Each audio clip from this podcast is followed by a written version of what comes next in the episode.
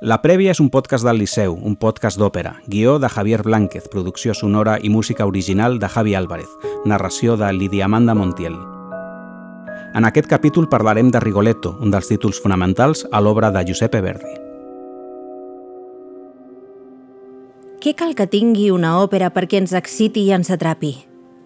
Hi ha una part del públic que demana passió amorosa, romansos impossibles, fins i tot sexe – una altra part busca acció, sang, venjança. I ha, no cal dir-ho, molts aficionats a l'òpera que el que cerquen són conflictes morals sense solució, històries que desafien de manera profunda la nostra visió del món i on s'abordi el costat fosc de l'ésser humà. I, és clar, també volem una música superior, majestuosa, emocionant.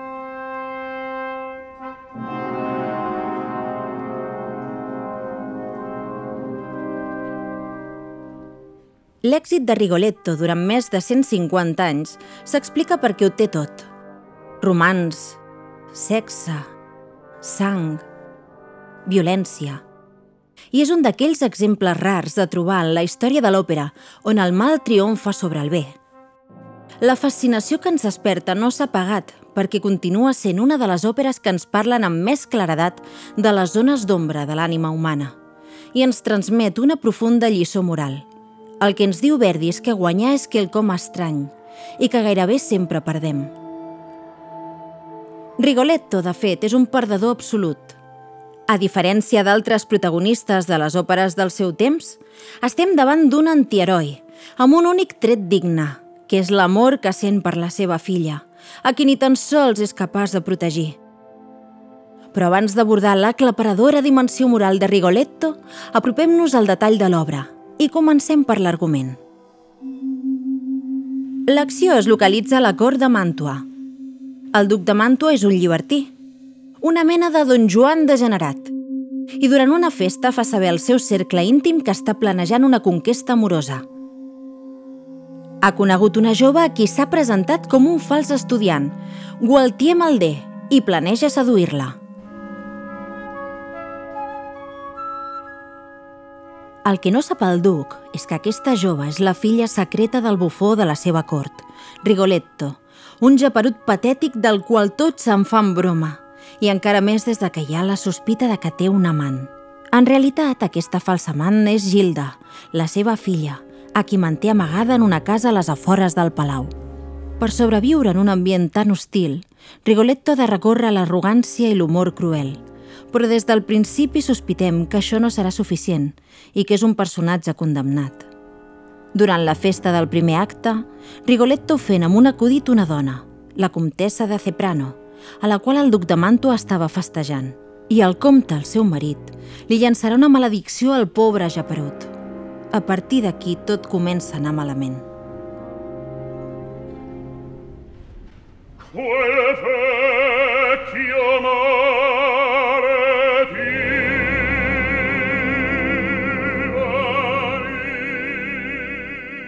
A la segona escena del primer acte coneixem Gilda.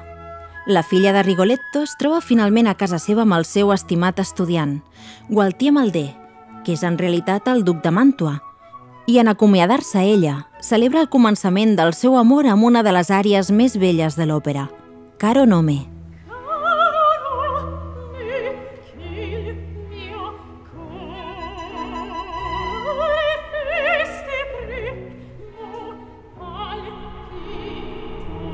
Però just immediatament irrompen els esbirros del duc per raptar Gilda, a qui han confós amb l'amant de Rigoletto.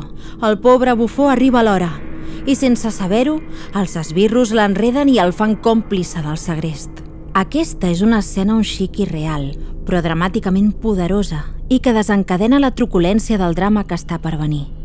Quan el duc s'assabenta del rapte de Gilda, aquest es lamenta, ja que tira per terra els seus plans de seducció, fins que descobreix que ha estat la seva pròpia gent la que ha tramat el pla. I en una fosca masmorra, satisfet, consuma els seus plans i viola Gilda. Després de molts esforços, Rigoletto aconsegueix salvar-la i jura venjança en un duet tràgic. Si vendetta, tremenda vendetta. No, vecchio t'inganni, un vi che avrai se vendetta tremenda vendetta di questa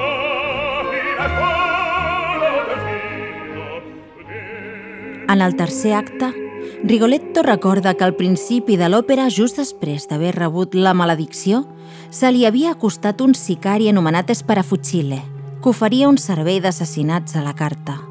Rigoletto havia rebutjat l'oferta, però ara sí que necessita els serveis d'Esparafucile, que es posa fil a l'agulla per matar el duc, a qui aconsegueix atraure a casa seva, on la seva germana Magdalena exerceix la prostitució. En aquell moment, el duc entona la melodia més popular de l'òpera, La donna è mobile. La donna è mobile, qual piuma al vento, muta d'accento e di pensiero. Sempre una amabile, leggiadro viso, in pianto in riso e menzognero. La donna è mobile. Abans de l'assassinat, Rigoletto s'apropa amb la seva filla fins a l'exterior de la casa per assegurar-se de que el seu pla surt bé. Però hi ha un problema. Gilda continua enamorada del duc. I quan coneix els plans d'Esparafucile, decideix vestir-se amb roba d'home per prendre el seu lloc i deixar-se apunyalar. Al final, quan Esparafucile lliura Rigoletto al sac on geu la seva víctima, el pobre bufó descobreix la filla moribunda. La maledicció del primer acte s'ha consumat.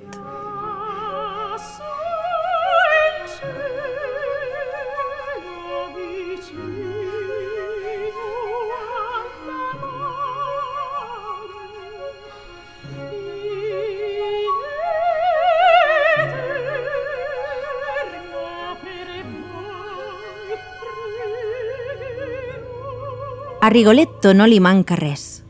És una història farcida de traïcions creuades, morts patètiques, comerç sexual, maltractament a la dona, menyspreu pel feble, supèrbia i luxúria.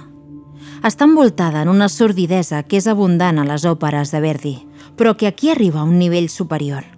I així i tot, la versió definitiva que es va estrenar al Teatre La Fenice de Venècia l'any 1851 no era la que volien Verdi i el seu llibretista de confiança, Francesco Maria Piave. De fet, el projecte de Rigoletto, que es va encetar el 1849 amb un altre títol, La maledizione, contemplava més violència i incluïa un atac directe a l'ordre social que dominava bona part de l'estructura política a les repúbliques italianes de mitjans del segle XIX. Al 1844, Verdi havia treballat en una òpera, Hernani, basada en una obra de teatre de Victor Hugo, el popular autor de la novel·la Els Miserables. Victor Hugo era un fill tardà de la Revolució Francesa i les seves obres tracten sobre la llibertat i el sacrifici per aconseguir enderrocar els sistemes de govern injustos. Un dels seus drames més celebrats era El rei es diverteix, una peça històrica localitzada en un temps medieval incert, que tracta sobre un monarca francès de moral qüestionable, un depredador sexual capaç de fer les pitjors accions. Questo quello per me pari sono a quant'altre d'intorno, d'intorno mi vedo. Nel mio cuore l'impero non cedo, meglio ad una che ad altra beltà. Quan Piave i Verdi van ultimar el primer esborrany del llibret, es van trobar, però, amb l'oposició del cavaller Gorzkowski, el governador militar de Venècia al 1850, que aleshores era una província administrada per l'imperi austro-hongarès. Gorzkowski creia que la proposta del rei es diverteix era perillosa, ja que presentava la monarquia com un sistema corrupte i dissolut. L'obra va ser censurada i per salvar-la, Verdi va haver d'accedir a fer canvis en la història.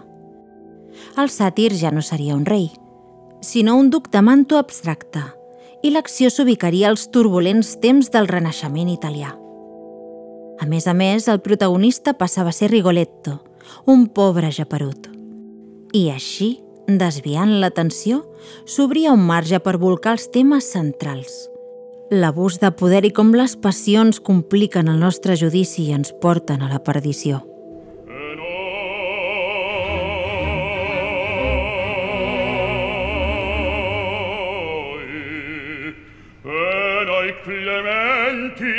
Infero perdonammo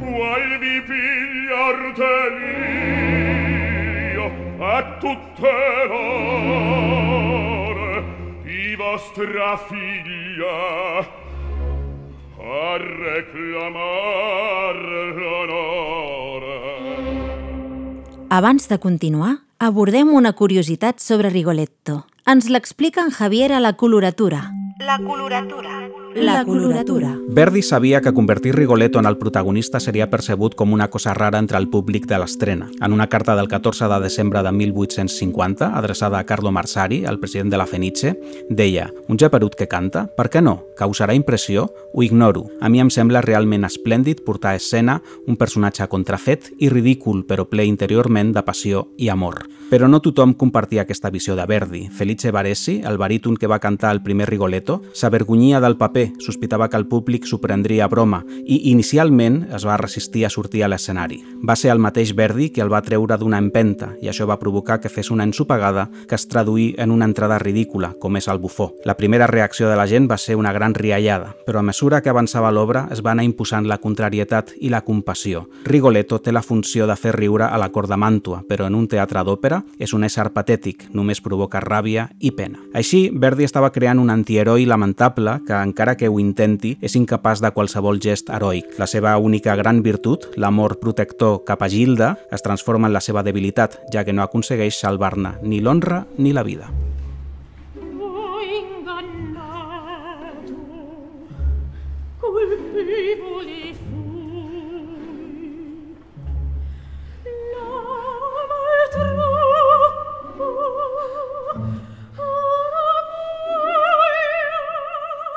El tema fonamental de Rigoletto és que el poder sempre esclafa el feble.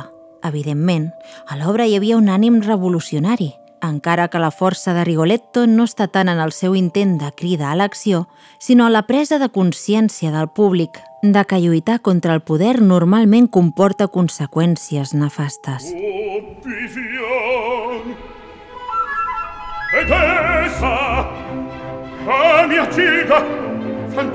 Oh, a me rispondi. L'assassino mi svela.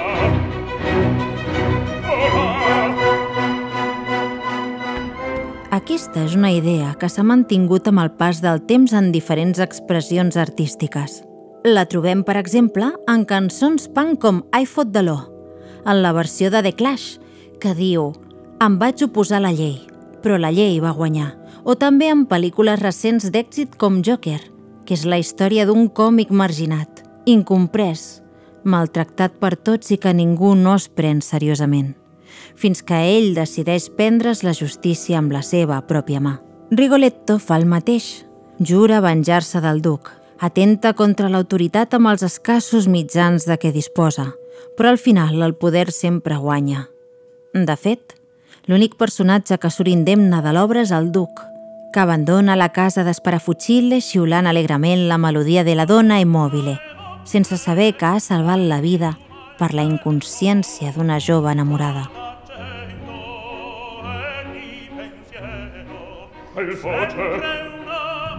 A diferència d'altres òperes de Verdi, Rigoletto no va ser un èxit fulminant.